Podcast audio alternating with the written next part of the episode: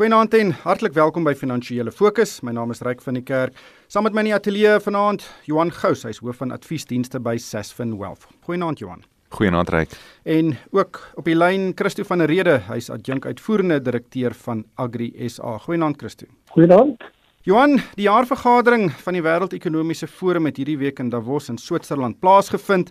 Dit is 'n baie spoggerige affære. Meer as 3000 wêreldleiers, sakeleiers en omgewingsaktiviste sak toe op hierdie amper elitistiese geleentheid in 'n uiters koue maar sprokies mooi Switserse skidorpie Davos.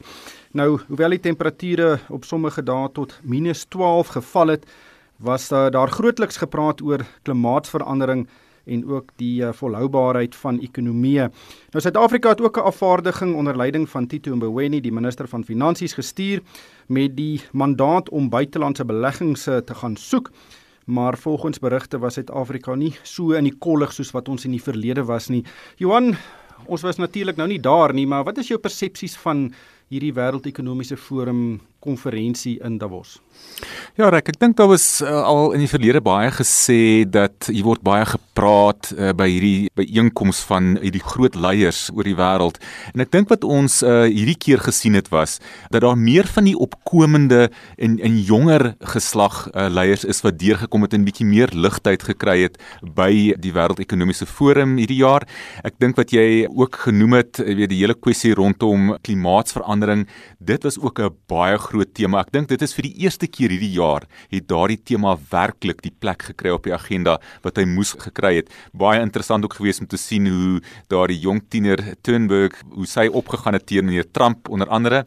Ja, dit is maar net 'n feit eh, eh, ons het gesien dat BlackRock is se hoof en en onthou BlackRock is een van die grootste batebestuurders in die wêreld. Hulle het ook aangekondig en ook gepraat oor die feit dat hulle gaan absoluut heeltemal weer nuut kyk na hoe hulle besluit waar hulle beleggings gaan maak. Christo, die geleentheid is ook ideaal vir mense om toegang te kry tot baie baie senior wêreldleiers en sakeleiers.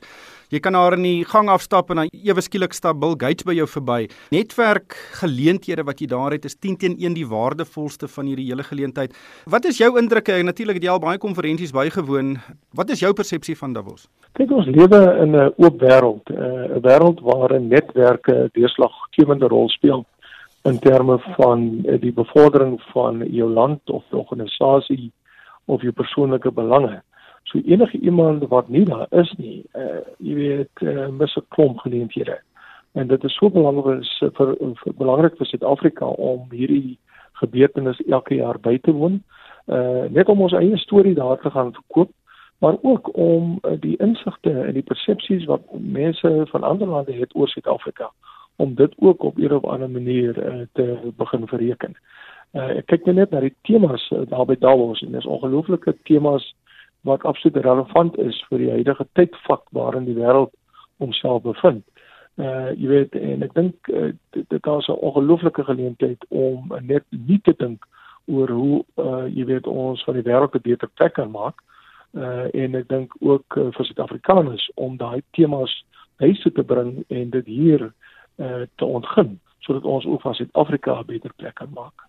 Ryk, jy weet ek dink die een ding vir my wat vir my uitstaan oor Suid-Afrika se teenwoordigheid daai hierdie jaar was vir my was dit 'n kwessie van kredietwaardigheid. Jy weet, Tito Mboweni het soontoe gegaan met 'n spesifieke boodskap wat hy moet lewer. Ons moet probeer om weer basies die vertroue van buitelandse beleggers in Suid-Afrika weer op 'n plek te kry waar hulle bereid is om meer in ons uh, ekonomie te belê en ook ons plaaslike besighede. En ek dink dit wat hy daar gesê het teenoor dit wat die die heersende party in Suid-Afrika gaan toelaat wat kan gebeur is waar vir my die die belangrike kwessie is. Gaan dit wat Tito Mboweni daar sê wat ons wil doen en gaan doen sal dit werklik kan gebeur in Suid-Afrika. En word daai selfde boodskap in Suid-Afrika aan beleggers oorgedra natuurlik beloof jy die die wêreld en die son maan en sterre vir mense om hulle te nooi om in Suid-Afrika te kom kyk en dalk hier te belê. Maar op die ou end in Suid-Afrika tot self uit die ANC uit teenstrydige opmerkings oor iets soos sê die SAL wat in sake redding is en hoe dit gaan uitspeel. Christo, wat is jou siening daaroor? Ek dink ons sit met uh jy weet geskiedkundige probleem. Uh, die feit dat jy binne die ANC jy weet bepaalde faksies het wat uh jy weet hulle perspektiewe op 'n bepaalde ideologie ideologie uh, grond. En dit is die dilemma dat uh, jy hierdie voortdurende stryd tussen jou sosialistiese denke, jy weet jou vrye mark denke en dan het jy nog die kommunistiese denke daarby en gooi nog in die pot uh, jy weet die ehm um, werkersunies se eie aspirasies. So jy sit met 'n toksiese mengsel. En die uiteinde van so 'n toksiese mengsel is dat jy gaan nooit in uniformigheid kry in terme van die boodskap na buite nie. En dit skep groot groot verwarring en angstigheid onder potensiële beleggers. Maar ek is baie dankbaar, uh, jy weet dat Cyril Ramaphosa uh, sy rug styf gemaak het. Hy is nie vir jaar by Davos nie. Hy het seker gemaak dat hy die uh, streep in sand trek tydens die NK se byeenkoms verlede week. En aan die einde van die dag, jy weet, uh, kan Esmagashule uitsprake maak en kan van die ministers uitsprake maak, maar ek dink uh, aan die einde is dit Cyril Ramaphosa wat die, die finale sê, jy weet, na finale boodskap na buite moet uitstuur. En ek dink uh, jy weet hy sal baie sterker sy voet moet neersit en baie duidelike boodskap en 'n baie duidelike sein na buite te stuur net om mense se vertroue te herstel in Suid-Afrika. Verskeie internasionale instansies stel ook verslae bekend by Davos om die sienings van veral sakeleiers in die wêreld bekend te maak. In Johan die konsultasiegroep PwC het 'n verslag bekend gemaak wat baie baie negatief was. Dit sê die meeste uh, sakeleiers in die wêreld dink dat die ekonomie vanjaar, die wêreldekonomie gaan stadiger groei. Uh, die Suid-Afrikaanse hoofstuk van daardie verslag is selfs nog meer negatief en dis baie duidelik dat sakevertroue in die wêreld besig is om te taan. Hoe het jy dit gesien? Wel ja, ryk hierdie opname word onder 1600 hoofuitvoerende beamptes oor 83 lande gedoen.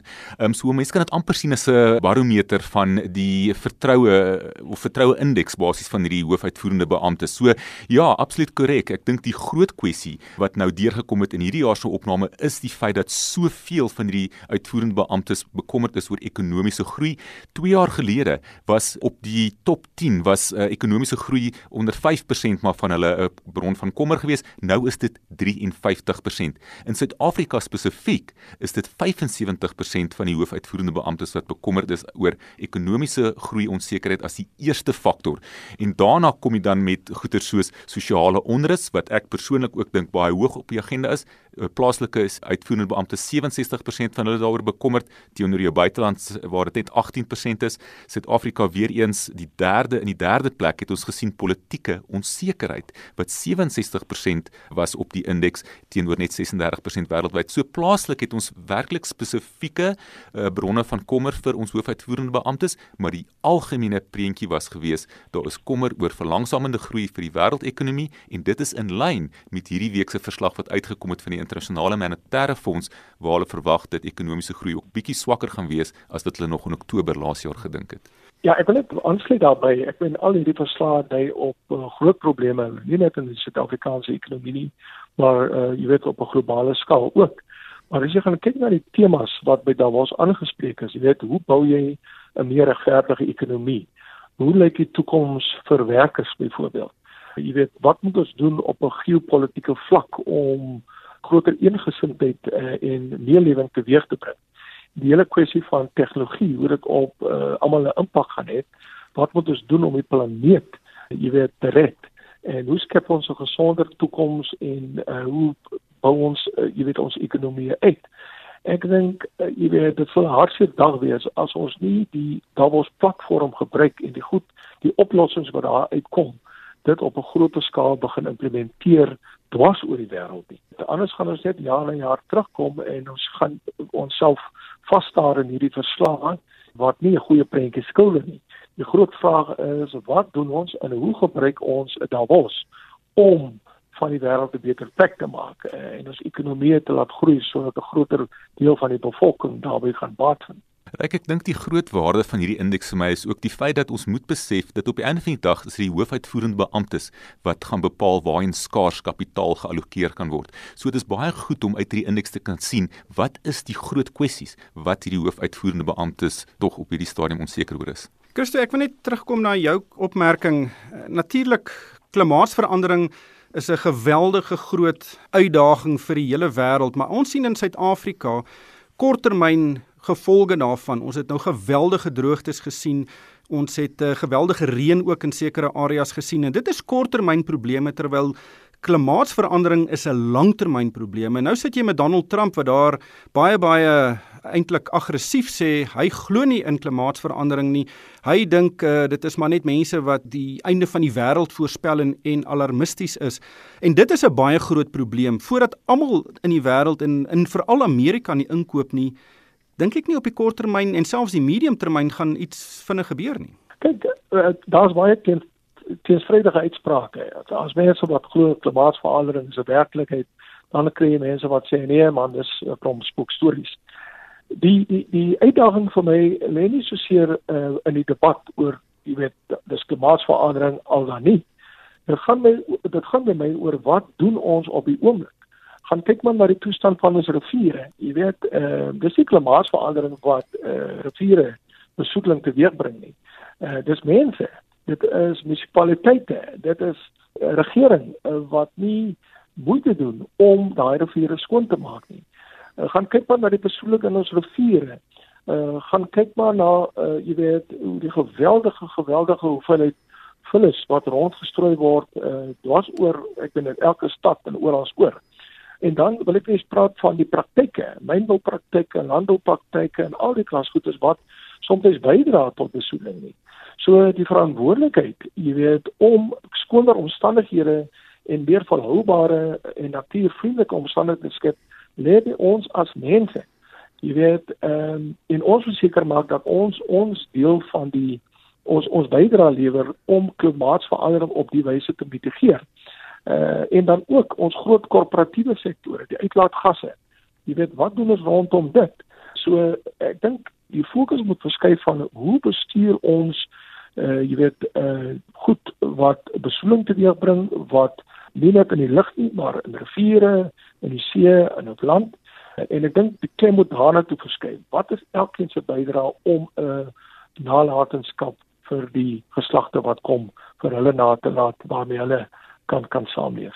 En ryk op die einde van die dag is die vraag wat is die invloed van hierdie eh, kwessie op die beleggings en jou opbrengste wat jy kry op die beleggings? Dit is baie belangrik want op die einde van die dag belê beleggers in maatskappye. Daardie maatskappye het versekerings.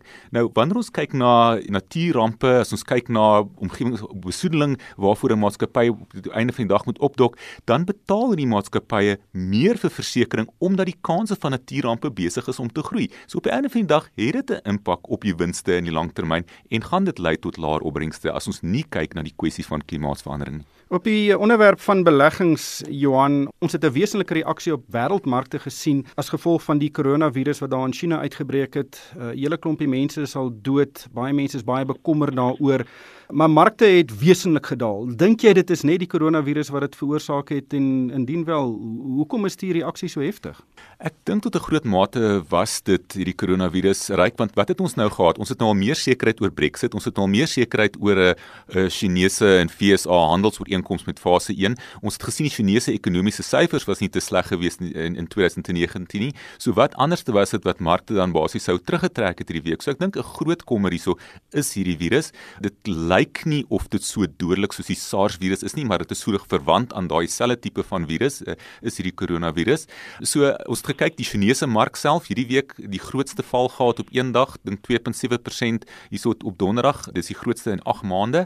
So dit is definitief die virus vir daai impak gehad het en dit het maar net wêreldwyd uitgesprei om te sien oliepryse het afgekom, kommoditeitspryse het afgekom en dit sê vir jou dit is kommer oor wêreldekonomiese groei. Maar hoe kan die siekte dit veroorsaak?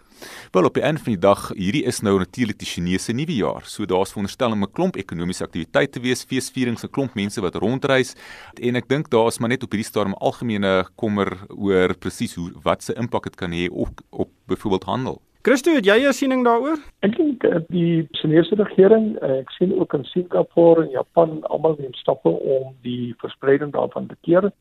Hoe suksesvol hulle gaan wees sal in die tyd ons leer. Maar as jy teruggaan in die geskiedenis, die uitbraak van die swart pes en al daai tipe van siektes in Europa, ek dink dis nou baie lank gelede, het 'n geweldige impak gehad op die samelewing en dan af dat dit nie beïnvloed soos maar en so voort.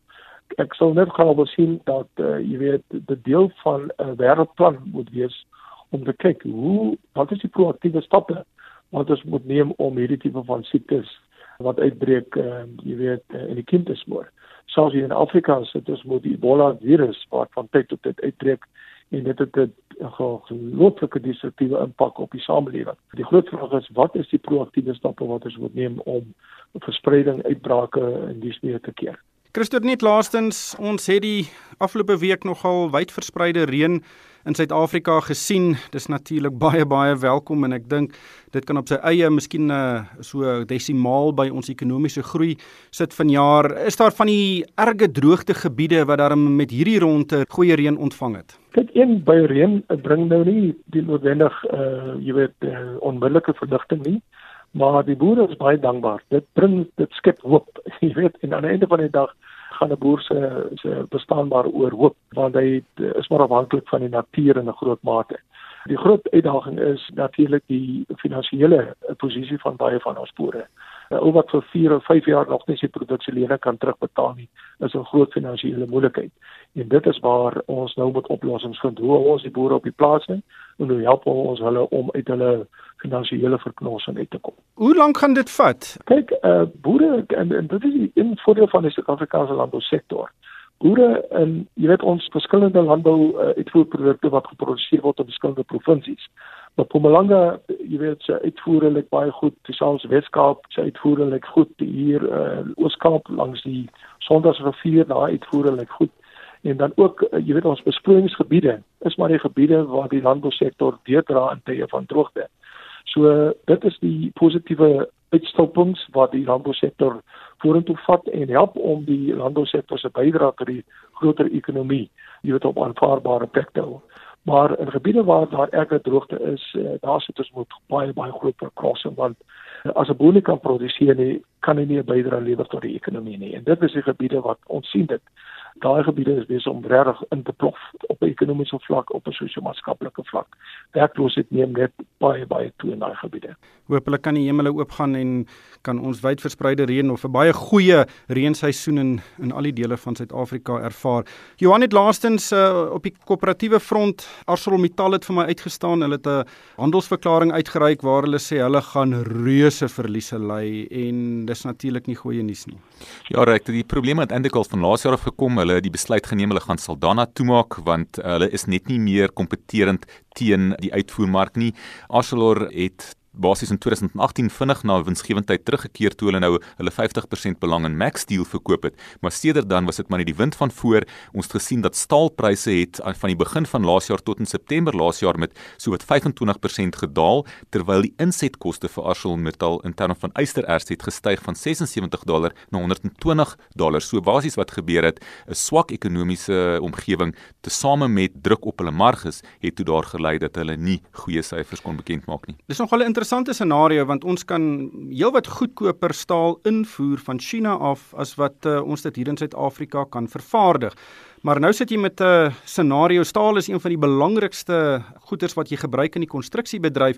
Moet jy ArcelorMittal beskerm of moet ons die bedryf ondersteun deur goedkoper staal in te voer? Ja, dit is een van daai moeilikes. Ek by 'n van die dag wil jy altyd eers by jou by die huis begin en sorg dat jy na jou eie mense kyk, maar op 'n van die dag ons kompeteer in 'n wêreldekonomie teenoor wêreldmagte, so ons moet uh, reg wees om te sien wat ons kan doen. Ongelukkig het die tyd ons ingehaal. Baie dankie aan Johan Gous. Hy is hoof van adviesdienste by Sasfin Wealth en ook Christo van der Rede. Hy is die adjunk uitvoerende direkteur van Agri SA. En daarmee moet ek groet van my ryk van die kerk. Dankie vir die saamluister en ek hoop almal het 'n winsgewende week.